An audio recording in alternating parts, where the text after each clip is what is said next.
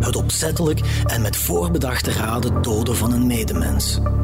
Het is het zwaarste misdrijf dat iemand kan begaan. We zijn er op een akelige manier door gefascineerd. Hoeveel romans, films en andere verhalen behandelen dit duistere thema? Helaas is moord niet altijd fictie. Integendeel. Er wordt gedood uit passie of jaloezie, uit wraak, lust, voor geld of botweg uit haat.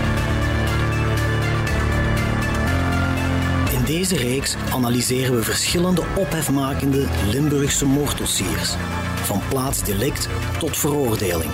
En gaan we op zoek naar de motieven die in het verknipte hoofd van de dader zijn gruwel rechtvaardigen. Ik ben Geert op Teinde en dit is Van Moord tot Verdikt.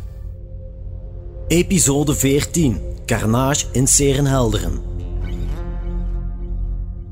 Ik ben Karel Lekkers, eerste commissaris bij de Federale Gerechtelijke Politie Limburg, hier in Hasselt gevestigd.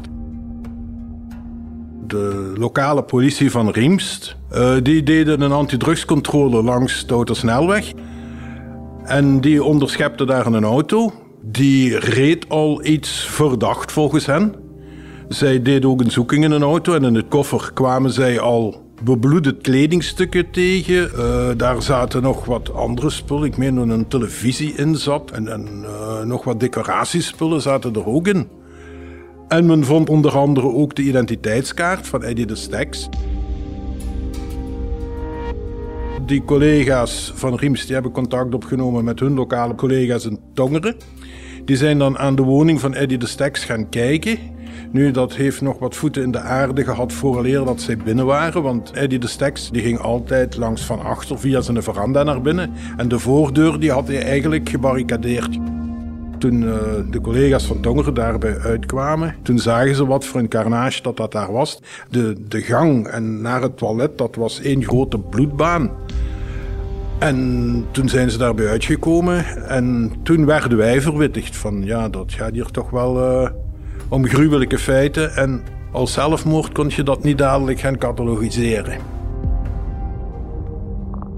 De feiten waarover speurder Karel Dekker spreekt spelen zich af in de nacht van donderdag 9 februari 2006. In het huis van Eddy de Steks in het Tongerse gehucht Serenhelderen is een bloedbad aangericht, waarbij de dan 51-jarige man die een goed draaiend reisbureau uitbaat op beestachtige wijze om het leven wordt gebracht. Die akelige ontdekking wordt, zoals u daarnet hoorde, per toeval gedaan door de lokale politie, nadat vier mannen uit het Franstalige landsgedeelte domweg op een controle botsen en de agenten in hun wagen de identiteitskaart van het slachtoffer vinden. Wanneer blijkt dat de reisagent met geweld om het leven is gebracht, wordt Karel naar de plaats delict geroepen. En de crime scene die hij daar aantreft is een van de gruwelijkste uit zijn hele carrière. Zo hadden we er inderdaad nog niet vaak gezien. De vloer die was bedekt met bloed. En uh, het slachtoffer zelf die bevond zich toen in het toilet. In de toiletruimte. Lag daar op de grond. Uh, dat, daar hadden we geen wetsdokter voor nodig om dat te zien. Dat hij een zeer zware uh, keelwonde had. Eigenlijk was zijn hoofd er bijna volledig van afgesneden. zijn hoofd was ook helemaal ingedraaid in tape. Hij, uh, als hij niet was doodgebloed, dan was hij denkelijk nog verstikt doek. De manier waarop Eddie de Steks werd toegetakeld is van een ongekende bruutheid. Iets wat totaal niet strookt met de persoon die Eddie was. Een uiterst vriendelijke en sociale man, bekend en geliefd in heel Tongeren. Dat vertelt Luc Delbroek, de raadsman van de familie de Steks. Uh, hij baat een, een, reisbureau uit. Hij was ook wel heel actief in het, in het sociale leven. Um, dus hij had bijzonder veel kennis en kennissen in, in Tongeren. Hij komt daarbij dat uh, hij ook ja, dan zijn broers had, die ook al uh, goed bekend waren in, in en rond de Tongers. Hè. Een van de broers was eigenlijk ook getuige van, van, van de feiten, van die getuige van de feiten op zich, maar hij was wel daar toen de politie ter plaatse kwam. Hij is mee met de politie gaan kijken of er iets was gebeurd of niet. Heeft dan mee ook zijn broer gezien. En hij heeft mij een heel uitgebreide beschrijving gegeven van hoe een broer was. En was een heel geliefde persoon, een heel joviale persoon. Um, eigenlijk een persoon over wie nu is echt helemaal niks slechts uh, te zeggen viel. Dus, waarom moest Eddie dood? In de eerste momenten van het onderzoek hebben de speurders er het raden naar. Maar over de mogelijke daders bestaat dan weer zeer weinig twijfel, aangezien de vier verdachten zowat op heterdaad werden betrapt tijdens hun vlucht.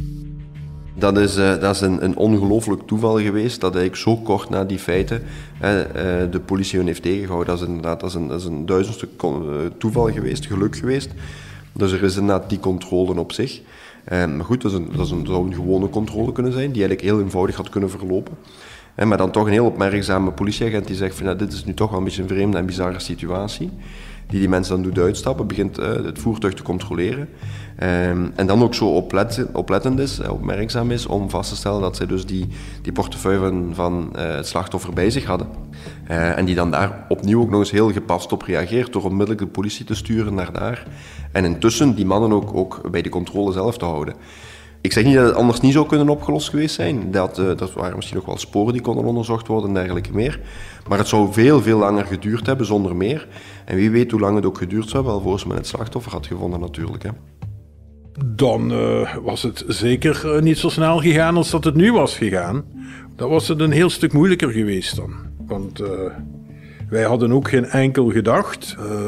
dan, dan moest al misschien iemand van de buren, maar Eddie die had ook niet zoveel contact met die buren. Dus dat was geen aaneengesloten bebouwing ook niet. Dus niemand had iets gehoord. En als hij daar had gelegen, dat had misschien ook nog wel even geduurd vooraleer dat ze hem gevonden hadden. En ze zijn zelfs speciaal via de binnenweg gekomen. Om, om niet, niet op te vallen en niet door camera. Want in die tijd stonden veel minder camera's dan dat er nu stonden. Waar ze dan aangehouden zijn geworden door uh, de collega's van Riemst. Daar stonden geen camera's. Hè? En ook geen flitspalen of niks. Uh, voor ons is het een enorm geluk geweest. Uh, voor de daders is dat een, een hele nefaste samenloop van omstandigheden geworden. De verdachten worden overgebracht naar het commissariaat van de lokale politie in Riemst. Het is daar dat Karel met de ID-kaart van Eddie de Steks in handen, de smoking gun als het ware, het viertal een eerste keer verhoort. Ja, de daders die zaten toen uh, in de cellen van politie Riemst. Die zijn we toen moeten gaan halen. En die zijn toen bij ons in de eerste keer verhoord geworden. Uh, daar speelde een half taalprobleem ook nog. Er waren drie van de vier die waren Franstalig. En de ene die we eigenlijk altijd hebben beschouwd als de leider van uh, dat teamke, dat was uh, Gregory Jacob. Die sprak wel Nederlands. Uh, die zijn toen de eerste keer verhoord. die wilde dat eerst niet toegeven. En, maar ja, het lag er allemaal vingerdig op. En dan gaat het gewone moordonderzoek zijn gang. was ook geen enkel probleem om voor de onderzoeksrechter om een aanhoudingsmandaat af te leveren. En die zijn toen staan TPD richting uh, gevangenis. Die was, uh, toen was de gevangenis hier in Hassel al open. En toen uh, hebben die hier onderdak gekregen. Gregory Jacob, een dan 20-jarige jonge man uit het Luikse, is verdachte nummer 1. Zijn drie kompanen zijn Dominique C., Nawezi M. en Fabrice O., eveneens alle drie Franstalig. En hoewel ze tijdens hun eerste verhoor ijskoud ontkennen dat ze ook maar iets te maken hebben met de moord op Eddie, zijn ze een vogel voor de kat. Want alles wijst in hun richting. Het duurt dan ook niet lang voor Gregory Jacob schoorvoetend zijn verhaal doet. Eigenlijk was de bedoeling om hem te beroven. Nu, je moet weten, uh, Gregory Jacob, die ik juist zo'n beetje de leider van uh, het spel noemde, die werkte toen in Tongeren bij de vuilnisdienst. De vuiler, die liep achter de vuilkar aan. Maar in zijn vrije tijd en om, om geld bij te verdienen, deed hij ook wat tuinonderhoud. En die had inderdaad ook uh, onderhoud gedaan in de tuin van Eddie de Steks. Uh, hij kende het reilen en zeilen daar een beetje. Hij dacht wel dat er iets te halen viel. Uh, Eddie die had toch ook wel... Die was gekend in Tongeren. Die had zijn zekere levensstijl. En hij verwachtte wel tot daar iets te halen viel. Zo komt Jacob dus op het idee om Eddie te beroven. Hij trommelt twee vrienden op, van wie één man de vluchtauto moet besturen. Maar omdat zijn wagen defect is, wordt er op het laatste moment een extra bendelid bijgehaald. En met zijn auto rijdt het viertal die woensdagavond naar Tongeren. Naar de woning van Eddie, die, zoals Gregory Jacob weet, pas laat zal thuiskomen. Eddie de Steks, dat was een tennisspeler. Die was gaan tennissen en dan na de rand een après tennis nog. En die is uh, na 12 uur s'nachts is die thuisgekomen, of na, na middernacht. Uh, dan, de daders die hebben hem opgewacht, of drie van de vier. Uh, Jacob, die liep voorop, want die kende de steks, want hij had daar tuinonderhoud gedaan. En als ik me nog goed herinner, meen ik dat ze iets voorgewend hadden dat ze problemen of mechanische problemen hadden met een auto. En zo zijn ze dan binnengeraakt. Eddie is zich van geen kwaad bewust als hij de vier mannen binnenlaat. Integendeel, hij biedt zijn joviale tuinman en diens vrienden zelfs iets te drinken aan. Ze hebben zich daar in de veranda aan de tafel gezet. Ze hebben daar, Eddie heeft er nog een glas wijn in geschud. Dat was een heel gemoedelijke sfeer daar. Hij heeft het totaal niet zien aankomen. Hij had dat nooit verwacht, denk ik. En dan heeft hij het signaal gegeven, nu vliegen we erop. In een fractie van een seconde wordt een compleet verraste Eddie hardhandig tegen de grond gewerkt. Maar dan begint de nachtmerrie pas echt. Nadat ze hem gepakt hadden, hebben ze hem eerst uh, vastgebonden met, met tape. Ze hebben hem in de zetel gezet. Er is ene bij hen, hem gebleven. Die twee anderen hebben toen het hele huis doorzocht. Die waren blijkbaar niet tevreden met wat ze hadden aangetroffen.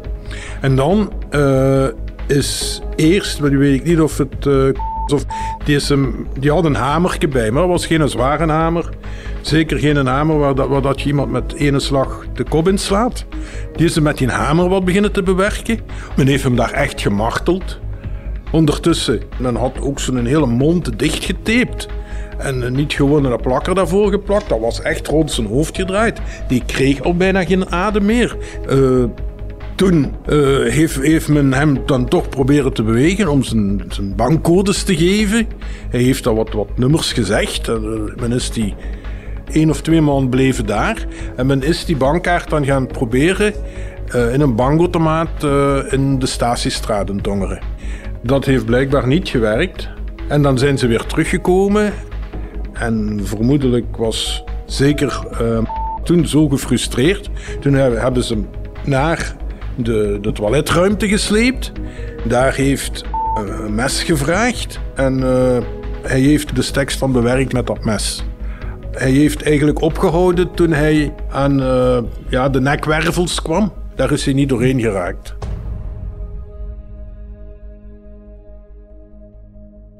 Nadat de steks uh, geen leven meer gaf, hebben ze de woning verlaten zijn ze langs de achterdeur, de veranda, terug naar buiten gegaan. Ze hebben die achterdeur ook gesloten. Ze zijn met de auto vertrokken. En dan uiteindelijk langs de autostrade, daar stond een, een groot dispositief, of ja, een controledispositief van politie Riemst opgesteld. En daar hebben, hebben wij het geluk en zij de pech gehad dat ze daar onderschept zijn geworden. Wat begint als een overval ontaart in een afgrijselijke, niet in woorden te vatten moord. Waar de daders dan ook nog eens heel rustig de tijd voor nemen, vertellen speurder Karel en advocaat Luc Delbroek. Ik denk toch dat we dat mogen schatten op, op anderhalf uur. Want uh, daar vonden we sporen van dat men de woning van onder tot boven doorzocht heeft. Dat die daar zijn binnen geweest. Dus dan op anderhalf uur dan kun je toch heel wat schade toebrengen, denk ik. Het was een heel gruwelijke moord. Ook, ook de omstandigheden waren natuurlijk heel bijzonder. Hè. Eigenlijk heeft, heeft het slachtoffer heeft hun, heeft hun binnengelaten. Hij heeft hen echt uitgenodigd bij hem thuis. Um, heel joviaal, heel vriendelijk. Een gesprek gehad met die mensen. Um, en dan ja, hebben ze de kans gezien om, om hem eigenlijk langs achteren aan te vallen. En dan, wanneer het louter de bedoeling zou zijn geweest om iets buiten te maken, dan was dat eigenlijk voldoende geweest. Dan hadden ze eigenlijk zelfs die agressie niet moeten doen. Maar het is hier dus echt agressie om de agressie geweest met echt een heel bloedbad dat werd aangericht. en dan ook nog eh, meegenomen naar het toilet. Eigenlijk op zich, opnieuw, dat had kunnen volstaan wanneer je louter wou eh, hem bestelen. Maar nee, dus dan daar opnieuw slagen aan hem toebrengen mm, op plaatsen waar er inderdaad heel veel bloedverlies is. Dus het hele huis hing, vol met bloed. En dan hem uiteindelijk dan de genadeslag of genadesteek geven met dat mes. Dus dat was een heel gruwelijk zicht. Hè. Ze hebben hem dan nog moeten wat manipuleren en moeten buigen om de deur van het toilet nog, nog dicht te krijgen. Dus die zijn, die zijn op een manier omgegaan met een, met een persoon die inderdaad eigenlijk heel weinig voorkomend is. Dat is, uh, pure agressie om agressie. zijn mensen die, ja, die duidelijk geen enkel norm of waardebesef hebben. Dat het viertal weinig normbesef zou hebben, zoals Luc Delbroek aangeeft, is ook iets wat commissaris Dekkers ervaart wanneer hij de verdachte confronteert met de gruwel die in het huis van Eddy werd aangericht. Eigenlijk gaven ze er niet zoveel om. zij probeerden zelfs uh, hun eigen daden nog te minimaliseren. De ene probeerde dan nog wat in de schoenen van de andere te schuiven. Soms probeerden ze ook nog wat Wiltijn over te komen en uh, gewoon alle medewerking te weigeren. Want, want we hebben toen, en dat is in de loop van het onderzoek, en ik denk dat we het via een, ook in een telefoontap hebben gehad, dat het de bedoeling was van om uh, het hoofd van de steks af te snijden, volledig. Men wou het lijk dan ook laten verdwijnen. En uh, die had al de fantasie, ja, zegt hij. Dan komt dat op tv, dat men uh, die mens vermist. Zijn foto erop en dan kan ik bij mijn eigen lachen. Ja, dan staat zijn hoofd hier op mijn tv-toestel. Ja, dan merk je toch wel tot die kerel zekere psychopatentrekjes had. Langzaam maar zeker leggen de speurders de puzzel van wat er die nacht in Serenhelderen precies is gebeurd. Zo komen ze onder meer te weten dat de overval tot in de puntjes werd voorbereid. We hebben tijdens de huiszoeking hebben we ook nog een plannetje teruggevonden van... Nu weet ik niet of het in de woning van Jacob was of bij, bij een van de twee. Hebben we plannetje teruggevonden waarbij de hele situatie getekend was. Hoe men aan de woning van de Steks kon komen. Hoe dat het huis eruit zag beetje de indeling van het huis. Zeker op gelijkvloers. Dus dat, dat, eh, dat is zeker voorbereid geworden. Daaruit hebben wij dan ook eh, de voorbedachtheid kunnen afleiden ook. Jacob die heeft uh, zich het hele scenario uitgedacht. Plus dat hij, hij had al in, een zekere mate een, vertrouwen gewonnen bij Eddie de Steks. Ze kenden zich. ik denk dat uh, Jacob een keer of twee, drie uh, tuinonderhoud is gaan doen bij de Steks. Hij had daar ook al, vroeger was hij daar binnen geweest en alles. Hij wist wel wat er stond. En dat was bij Eddie. Die had daar ook nog wel wat, uh, ja, wij zouden het noemen souvenirs, maar dat zijn al of niet originele kunstwerken uit Afrika staan. En uh, dus hij, hij, wist wat er te vinden was. Hij dacht ook wel dat, dat uh, Eddie er warmpjes bij zat. Eddie heeft hem ook altijd correct betaald. En dat was juist dus Jacob, die met zijn, zijn neus voor de, de glazen deur van de veranda stond, heeft, heeft Eddie die gewoon argeloos binnengelaten. Hè? Dat de overval geen ingeving van het moment was, dat is voor de politie zo klaar als een klontje. Maar wat met de moord? Was die ook gepland? Uit de verhoren en zoiets is toch wel een klein beetje naar voren gekomen dat het eigenlijk niet de bedoeling van Jacob was om de Steks te doden. Dus Jacob was ervan overtuigd dat de Steks toch niet naar de politie zou gaan. Maar voor die twee anderen, en ik kan me indenken dat het gemakkelijker is om een wild vreemde te doden dan iemand die je kent. Die zeiden nee, nee, die gaat ons al zijn leven gaan verklikken bij de politie. Die gaat aangifte doen en alles. Hij moet eraan. En dan uh, ja, is, is het gebeurd wat gebeurd is. Voorbedachtheid of niet, het zal voor verhitte discussies zorgen tijdens het assiseproces van de vier beschuldigden. Of beter gezegd, de twee assiseprocessen, die dan ook nog eens niet in Vlaanderen, maar in Wallonië plaatsvinden. Een juridische leidersweg die diepe wonden slaat bij de nabestaanden van Eddy de Steks. Meer daarover morgen in deel 2 van Carnage in Serenhelderen.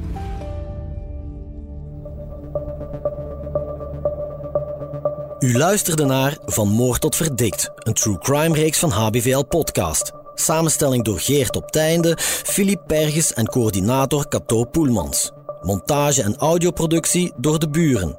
Chef podcast is Geert Nies. Reageren? Dat kan via podcast@hetbelangvanlimburg.be. Benieuwd naar wat er in de wereld gebeurt en wat dit juist betekent voor onze provincie? Ontdek onze voordelige leesformules op hbvl.be voordelig.